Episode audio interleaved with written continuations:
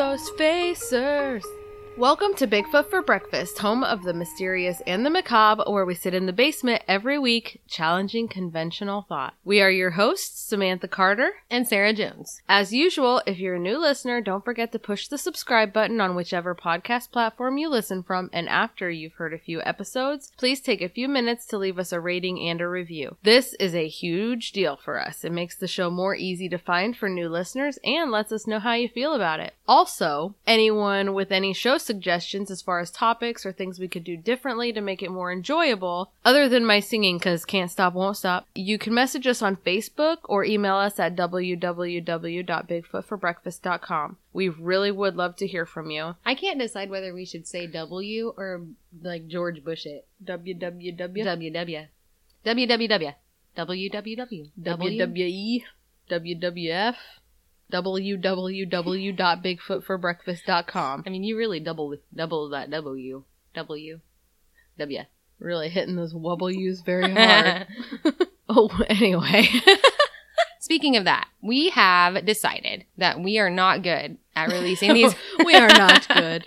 We're not good at getting these episodes out on Monday. And for some reason, they're always way closer to Tuesday before they get actually to you. So we're going to go ahead and stop telling you that they're going to be released every Monday. And we're going to go with Tuesday now. Tuesday is the day you will get our episodes. Don't be hating. It's just one more day. Tuesdays are good too. Tuesday's fine. Anyway, we're going to continue doing contests and stuff. So keep looking out for that, okay? You can Okay. win- okay. All right. you can win some Bigfoot for breakfast merch. Anyway, we're happy you're here and let's get on with the show. But first, we want to talk about another podcast that you guys should definitely check out. We play their promo every week, but they deserve a little more of a shout out because their show is awesome. And we listen every week also. They pick a different real world topic each week to discuss between the four of them. There are varying points of view and tons of entertainment. They find a way to discuss a serious topic and keep us laughing the entire time. Literally the entire time. It's hilarious. They did just do a live episode on their Facebook the other night. That was awesome. And their Thanksgiving episode is seriously hilarious. If you haven't heard Alani B's storytelling voice, you have to listen to that episode. They're much better at live than we are, so support these guys because we suck. We're not good live. Not good. So if you guys want good entertainment and no nonsense, uh, A little a little nonsense. nonsense, approach to real issues from down to earth people who are fun to listen to, give the question everything guys a listen, and we think you'll be impressed. Sean the Mick, the Mick, Lanny B, and Semper Fi Rob, you guys are great, and we love your show here at Bigfoot for Breakfast. Hey, do you like politics, conspiracy, current events, and just plain whimsical nonsense? These topics and more can be found on the Question Everything Guys podcast. a weekly episode podcast available on iTunes, Spotify, Spreaker, Stitcher, Google Podcast, and various other podcast hosting platforms. No topic is ever too serious. None of the jokes are politically correct, and all of the questions come with minimal answers. Huh? What? Come join your host, Lanny B, Sean, The Mick on, on the Question Everything Guys podcast. That's going.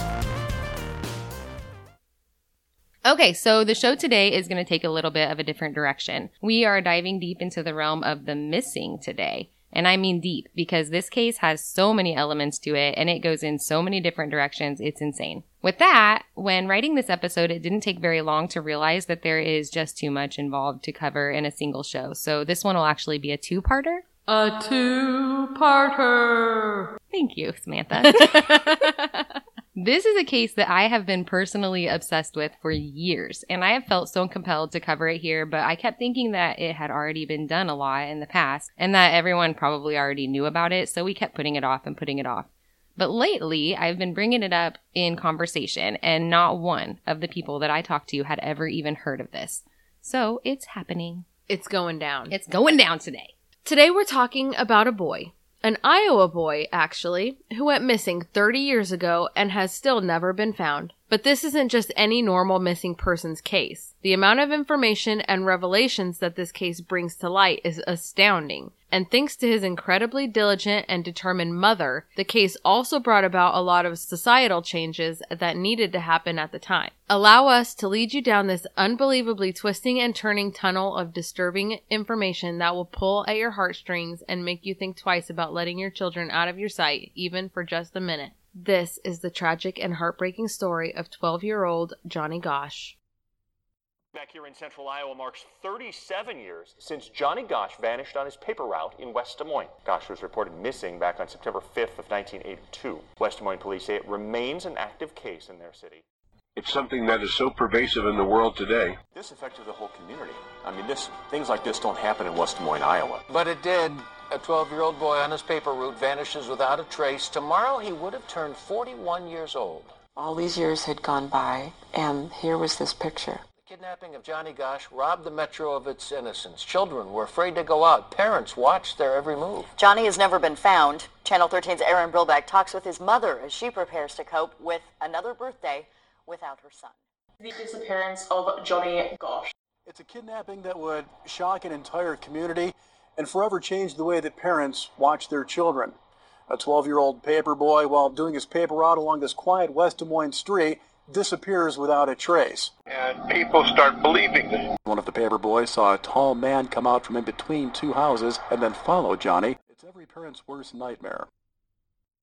Johnny Gosch was, by all accounts, a normal, happy kid growing up in affluent West Des Moines with his parents, John and Noreen, his siblings, and his little dog, Gretchen. He did things that normal kids did. He had a lot of hobbies, go karts, snow forts, growing up in the suburban Midwest. We're all aware here that parenting in the 70s and 80s was wildly different than it is today, and even different than what it was in the 90s. We grew up in the 90s, and I remember our mom wanting to know where we were and what we were doing all the time, and she kept a close eye on us. Kids today and in the 90s weren't given the same freedoms as kids in the 70s and 80s, and there's a reason for that. The world is changing, it's growing, it's progressing. And as good as that sounds in all the right ways, the world is growing and progressing in all of the darkest ways as well. The 70s and 80s weren't only just a turning point and a time of development for parenting, but also for danger. The idea of serial killers, organized pedophilia, and sex trafficking Things like this were previously unheard of. The Johnny Gosch case was one of several cases that really brought these ideas to light and put changes into motion. Johnny was one of the first children to be featured on milk cartons.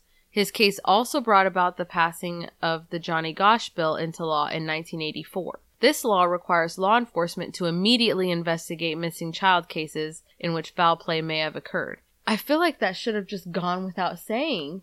Oh, this whole episode, you're going to be really annoyed. So, Noreen went on to help form the Center for Missing and Exploited Children with John and Reve Walsh. In the summer of 1981, Johnny got a job delivering newspapers so he could save up enough money to buy a dirt bike. He got his dirt bike so that he could ride with his brother and his friends, and then he just kind of kept working the paper out to earn extra money. Every morning he would go on the route, he would get up extra early and wake up his father, John, who would go along with him. On the night of September 4th, 1982, Johnny was having dinner with his parents when he told them he was going to head to bed early since he had to be up for the paper route in the morning. His mother, Noreen, states that he did something odd that night. He came up behind her and gave her a big hug around the neck and said, I love you, Mom. You're the best. Not that he never told his mom he loved her, it's just the way that he said it that seemed out of context. The next morning, Sunday, September 5th, 1982, Johnny woke up early just as he did every week. Except this time, he didn't wake his father. This would be the only time ever that he didn't do this. I don't know if he felt like he was old enough to go alone or if he just felt bad about waking him. He had been doing the route for a little over a year at this point, so he might have just felt comfortable enough with it to go without his dad. He did, however, bring along his dog Gretchen, who sat in the wagon with the newspapers tied to it with a leash. The neighbor reported hearing Johnny cut through his backyard with the wagon to get the newspapers at about 5:45 a.m. Keep in mind that Johnny wasn't the only kid in the area delivering papers. There were actually several and a few other adults. This was a common job for children back in the day. As Johnny went along his route doing his job, a few of the kids remember seeing him. One kid met him on the street and they stopped for a minute and talked before both going their own way. This would be the last known person to ever see Johnny again. An hour or so passed, and about 7 a.m., Johnny's mother, Noreen, began receiving phone calls from around the neighborhood complaining that people had not yet received their newspapers that morning, when Johnny should have been there long ago. Noreen immediately knew something was wrong. This was not like Johnny. You know, you hear this thing, oh, they're investigating the local authorities, the federal authorities. Johnny's dad came back to the house and said, call the police right away. Johnny's wagon is sitting up at the corner. Papers are still there. He hasn't delivered one. Gosch called the police and then spoke with several of the other paper boys who last saw Johnny. Johnny turned to Mike and said, I've got my papers loaded in the wagon. I'm scared. I am getting out of here. I'm going to head home. As Johnny left, the other paper boys told Johnny's mother the driver of the car took off too. The man pulled the door shut, started up the engine, but before he left, he reached up and he flicked the dome light three times in the car. Trying to find someone who saw something of Johnny, saw anything at all, but uh, nothing was found. Days turned to months and then years, and still no sign of Johnny Gosch. I literally could not breathe. I could not get my breath. Gosch brought the pictures to the West Des Moines Police Department. The detective kept saying, That's Johnny. That's Johnny. I said, I know, that's Johnny. I know that people like to say that it's a mother's instinct to immediately freak out when things like this happen, but I can honestly disagree with that. I think that if a mother insists that something is wrong regarding her child, it should be acknowledged. Moms and dads, they know their kids, and if they say that something isn't right and they need help, they're probably right. And if everything turns out to be okay, great. And a lot of times it totally depends on the kid, right? I know that I have a child that doesn't always do what he's supposed to do, and he isn't great at all about staying on task. So if I were to receive phone calls like this about him, my immediate instinct would not be one of panic. I would be wondering what the heck he is up to and why he's screwing around instead of doing his job. But I'm not just talking smack about him. This quality is one that he came by naturally. He is his mother's child. However, my daughter is a different story. If I tell her to be somewhere or if she has a job that she's supposed to be doing, 95% of the time, she's doing it. So if I were to receive phone calls about her, I would immediately worry that something happened.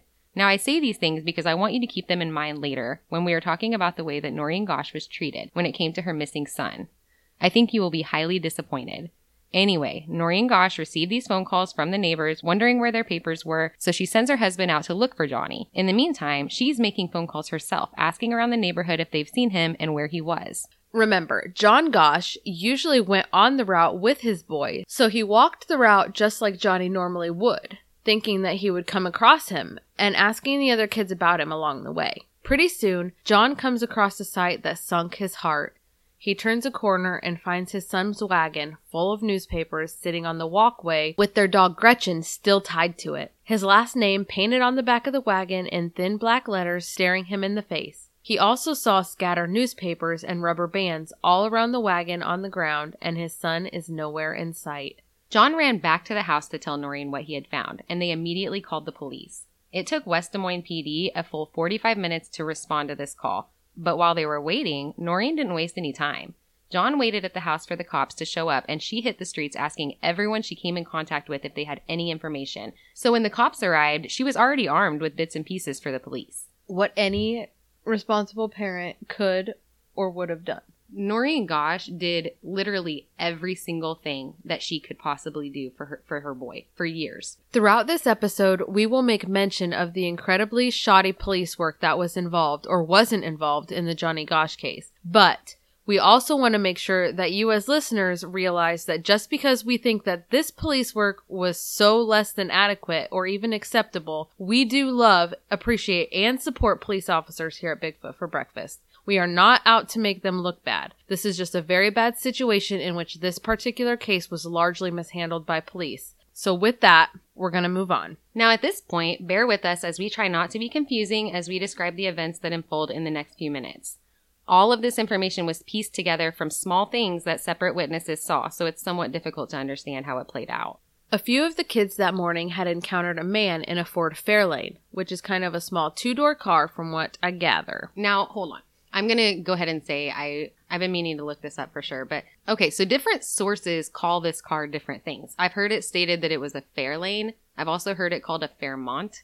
And I've also heard it called a Fiero. So I don't know. I'm not entirely sure. I know what a mm. Fiero is. The Me other too. two cars I am not familiar with. I know it was like a small sports car and it was two doors. Like a compact. Yeah, so I imagine a Fiero, but other people were saying Fairmont and Fairlane. It was a small two door car. This particular car was a two tone blue. This man was reportedly described as a stocky Hispanic man who appeared almost angry. He had tried to talk to a couple of kids and was ignored before finally he was witnessed to have driven slowly by Johnny and then reversed the car down the road to where Johnny was walking in order to talk to him. One of the kids reported seeing Johnny interacting with the guy and pointing as though he was giving directions, but Johnny seemed to be keeping his distance. Johnny then looked at one of the other paper boys' dads and asked him, Hey, can you come help this guy? Pointing at the man in the car. At this point, the man in the car immediately drove away.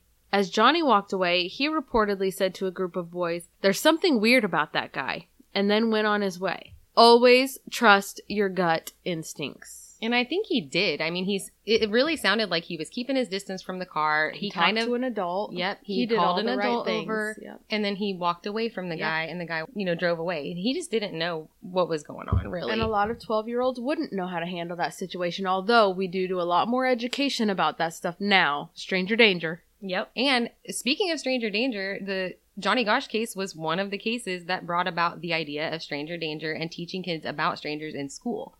So I didn't mention that in this whole episode. So that's part of it too. That this was a huge turning point as far as parenting goes and strangers. So this seems to be the extent of what Noreen knew by the time the cops arrived and she gave them this information when they got there. So at this point, they were aware that a stranger or two were in the area trying to talk to kids, doing the paper routes, and that all the kids had a bad vibe. They also knew that he had been talking to Johnny as well, and now he's missing. And also, they have a description of the car. So Noreen, she did good. I mean, she Yeah, had she all did. of this within that 45 minutes that the cops got there. So when they got there, she was ready, armed with info to get them started. All the right things. Which, you know, as a police officer, wouldn't you be extremely happy Yeah, about they that? they did half your work for you before you even got there. Yeah, awesome. You would think that this would be a great place to start, right? According to Noreen Gosch, she immediately began to disclose all of this to the police who showed up, and immediately it was dismissed. They kind of nodded as she talked, but then as soon as she finished, they asked John and Noreen, Has your son ever run away? They answered that no, he had not, and then they both became very upset. They did a quick interview with John and Noreen and gathered information about the morning, how Johnny was feeling, if he had been fighting with his parents or siblings, etc. But they largely ignored the things that Noreen was saying when she was trying to tell them that she thinks someone took Johnny and that she had a little information. The police left the home and didn't follow up on anything at the time. They just took the report basically. Now, Noreen Gosch is super mad. Rightfully so. She gets on the phone and she starts calling anyone and everyone she can think of to help her search for her boy. For the next few days, this area of Des Moines is crawling with people, none of them police officers. People in parks, walking up and down sidewalks, in patches of timber, and walking ditches trying to find Johnny. It's a pretty decent search effort of thousands of people that went on for a few days until the police chief, Orville Cooney, arrives at a local park. Calling you out by name, Orville. Reportedly drunk, according to Noreen, and angry, according to several witnesses, he stands on a picnic table in the center of a mass of people who had gathered to begin a search in the area and shouts, Everybody go home. He is just a damn runaway. The searchers slowly started to dissipate and the efforts began to dwindle after this as no trace of Johnny had been found. It was starting to seem to them that the police chief may be right after all. So Noreen went to see the chief and asked how long it would be before the FBI could be involved. At this point, he put his hands out and stated harshly, They won't. We do not have a crime here. It was really here that the case became a battle between the Gosches and the police department. Not only were they not working together, they seemed to almost be working against each other. Later, in an interview with the newspaper, Chief Cooney was asked about some of the allegations that Noreen Gosch was bringing forth, stating that they were doing absolutely nothing to help. He was quoted as saying, I don't give a damn about what Noreen Gosch has to say. It is said that the police chief was so irritated by Noreen that his pride got in the way of his handling of Johnny's case. The press went wild, with Gosch's story reported all over the country. The only mother I know that's ever stood up and fought him to the end was Noreen Gosch. Now, this is one of the most bewildering cases that I have probably ever researched, just because as we get into it further, more questions just seem to arrive. She just didn't believe that. She wanted to see what was being done, and when she saw nothing was being done, she understood how the system worked. Gosch believes the driver was signaling another person who later grabbed Johnny. That people are scared to go ahead and want to know what happened to their kid. Johnny, we love you. We're waiting for you to come home. Please let us know what you want as far as uh, anything that we can do to have John return home to us safely. We're leaving the porch light on every night. Moms are like that. Something's dreadfully wrong. Noreen Gosch was not taking no for an answer. She wanted their help and she was not backing down.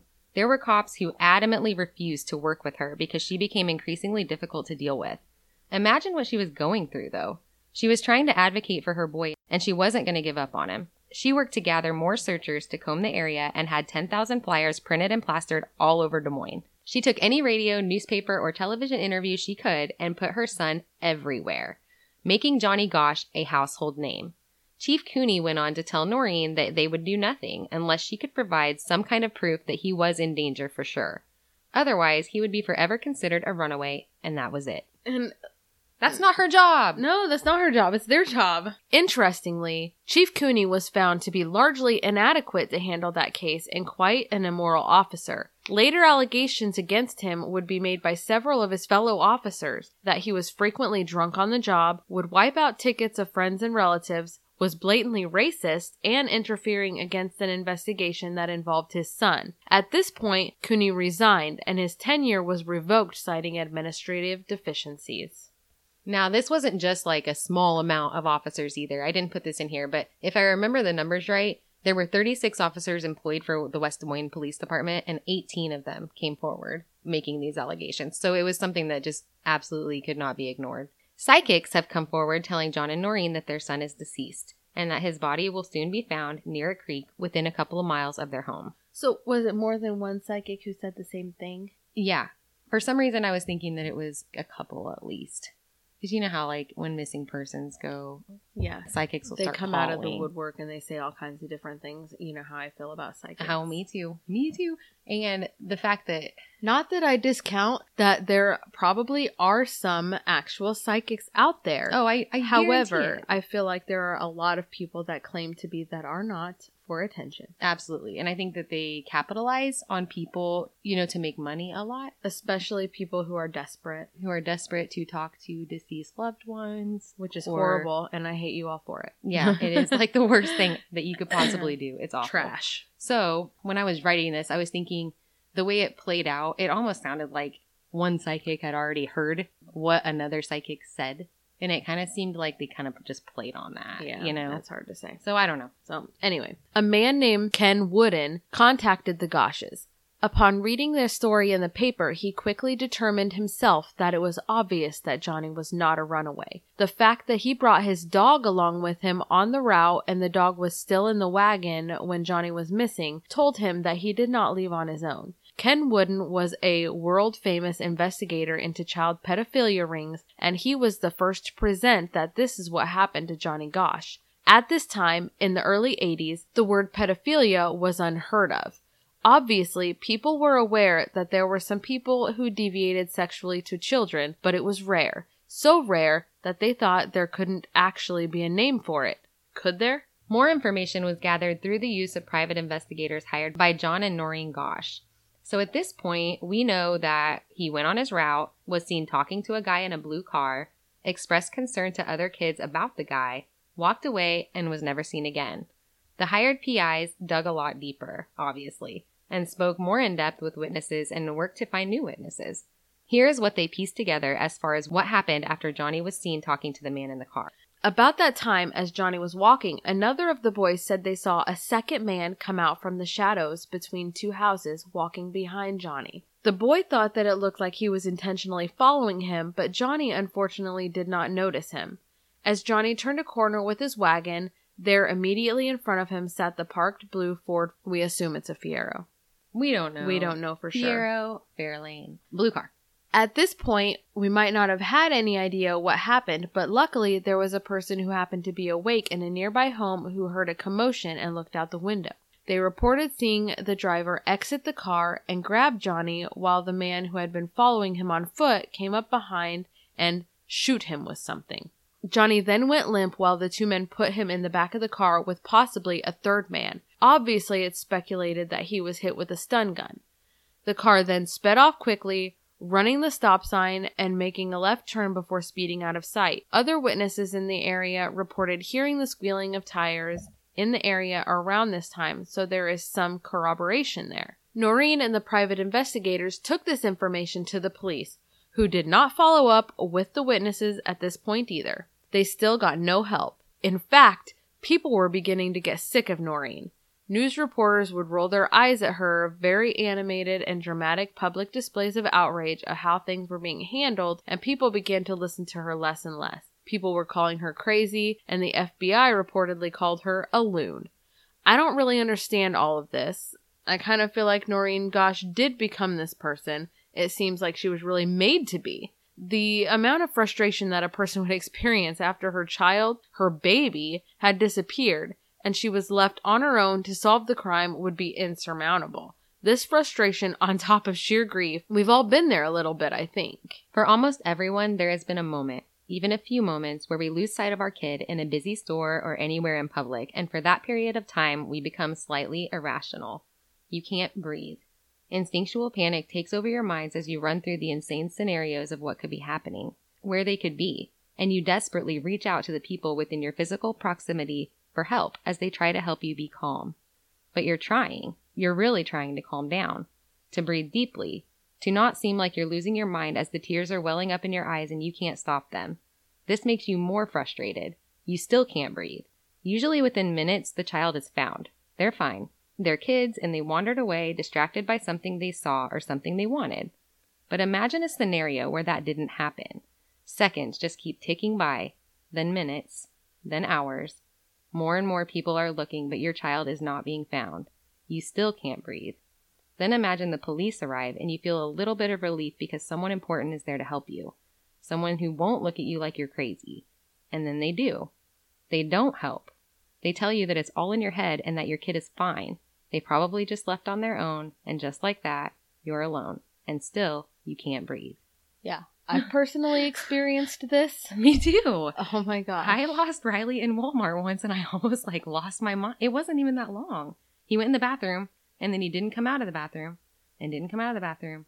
And in a time where I s- took my eyes off the bathroom door for five seconds, he must have run out and he was running in this. So, I mean, he went in the bathroom and just didn't come out and he was gone. And I. You remember that time Lottie didn't show up after school?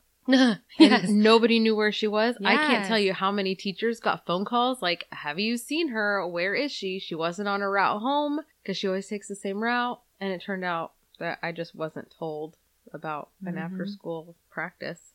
But imagine that. I mean, like you, we've all felt that panic as parents for a moment. Now imagine the feeling while you're panicking and imagine never getting that normalcy back. It Yeah. just stays that way for the rest of your life. It, you never get it back. That is enough to make anyone crazy. To make anyone frustrated to the point that they don't care how they come off to people as long as something is getting done. There is a lot to be said about Noreen Gosch, and she isn't always shown in the most positive of lights, but I have to think that she is just a mother who refuses to give up. And although it's likely too late for her boy, she has done absolutely everything in her power to make sure that this doesn't happen to another parent as long as she can help it. And I admire Noreen. She could easily have just sat in Johnny's bedroom and cried, given up, lived a lifetime of despair over what happened to their family, but she didn't. She took action. And those actions have led to big changes within the, laws regarding missing children and helped lead to the building of organizations dedicated to this cause. And that has helped bring the number of recovered missing children from 65% in the early 80s to 97% that it is today. So no matter what is said about her, that is a win. Six months after Johnny goes missing, a woman leaving a convenience store was quickly approached by a frantic boy who matched Johnny's physical description, and he screamed at her, I'm Johnny Gosch. I've been kidnapped. But before the woman could react, two men came out of nowhere and snatched the boy up and took him away. This was reported, but there was really no good evidence that it happened, so there was nothing to follow up on. She didn't get a license plate number or anything like that that the police could work with, so it kind of just went on the list of weird things and stayed there. This incident is said to have occurred in Oklahoma. And remember, this is a time when we didn't have like the CCTV, you know, so they couldn't go back to Mhm. parking lot cameras and see anything. So, I mean, they're just going off of witness statements. So, part of that, I do understand. And people weren't as vigilant about, oh, what do I need to get? What Yeah. information do I need? License plate number, car description, Mm-hmm. person description. So we just have these incidents and small snippets of reporting. Not that I think the police shouldn't have acted on them, but I mean, it is hard. There's no cameras. I mean, imagine if this happened today. This would be all over video. I mean, there'd Yep. be video of it. Somebody saw that, it would be on video. Someone's Yeah. got their phone out. or just store cameras, street cameras. You know, towns have cameras. Just Then, in a surprising twist on August 14th, 1984, two years after the disappearance of Johnny Gosch, what do you know? Yet another boy goes missing. A 13 year old paper boy in Iowa, Eugene Martin, disappeared while delivering papers on his route and was last seen on the corner of Southwest 14th and Highview Drive in Des Moines, Iowa. He was also he was also witnessed to have been talking to a strange man in a car just before he vanished. Nothing was ever found of Eugene either, except for the newspapers he was holding scattered across the ground near where he was last seen. Noreen Gosch had made such huge waves that this case was not treated the same as Johnny's. Eugene's parents did have help, and despite the assistance of police and the FBI, along with massive searches of the area and extensive interviews, no trace of Eugene Martin was ever found, just like Johnny. Unbelievably, even though the police were helpful, they quickly dismissed the idea that these two cases were related, despite the thought by everyone else in existence that they had to be, or at the very least, should be closely looked at. Eugene's face began appearing on the side of milk cartons, right along with Johnny's. Three years after Johnny was last seen in 1985, What was the first milk company that AE? That's what I thought. Erickson. Anderson Erickson. Yep. That's what I thought. They were the very first three Best years. cottage cheese ever. Just saying. Iowa cows can curdle. Gross. Anyway. Three years after Johnny was last seen in 1985, John and Noreen Gosch received an odd phone call at about 9 o'clock at night. A strange dollar bill had surfaced in Sioux City, Iowa. Sioux City is about three hours northwest of Des Moines and sits right on the Iowa Nebraska border.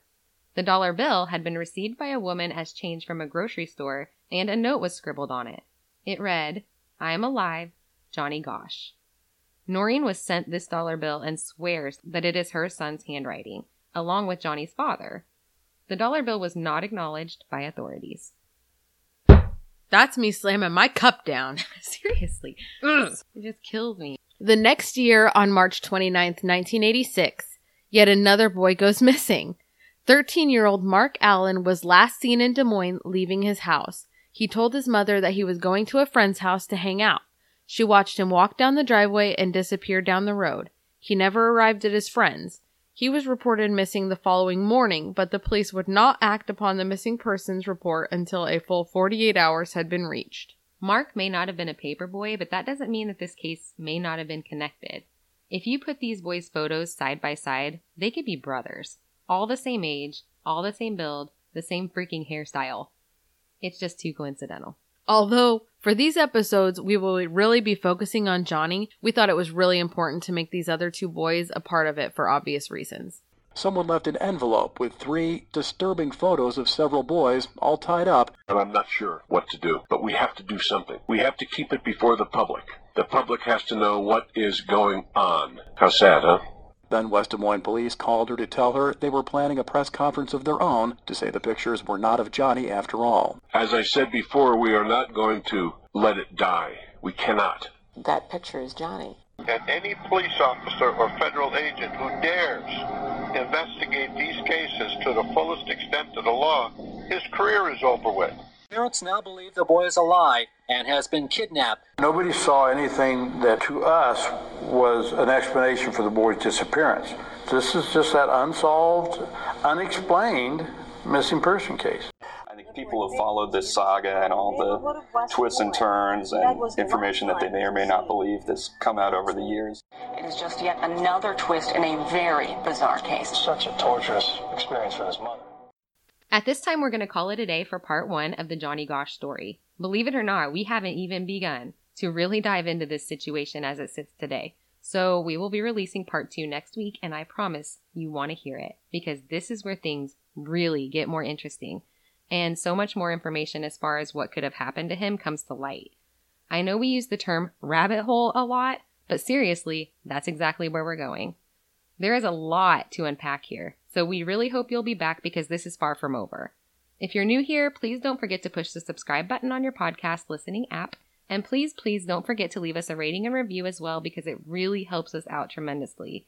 If anyone has any ideas for the show, please email us at bigfootforbreakfast at outlook.com or shoot us a message on our Facebook page if you are a friend of ours there. If you haven't yet liked our Facebook page, what are you waiting for? We also have Instagram and Twitter. Find us. This is where we post contests that we have to give away free Bigfoot for Breakfast stuff, so add us so you too can be in the loop. As always, thank you so much for listening and see you next week. On Tuesday. On Tuesday, not Monday. Tuesday. Tuesday's good. Taco Tuesday.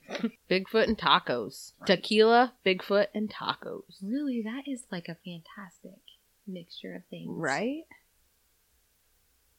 Dun da da da da dun dun. Tequila. The world is full of secrets. The kidnapping of Johnny Gosch is one of them. Less than an hour later, he was gone. How sad, huh?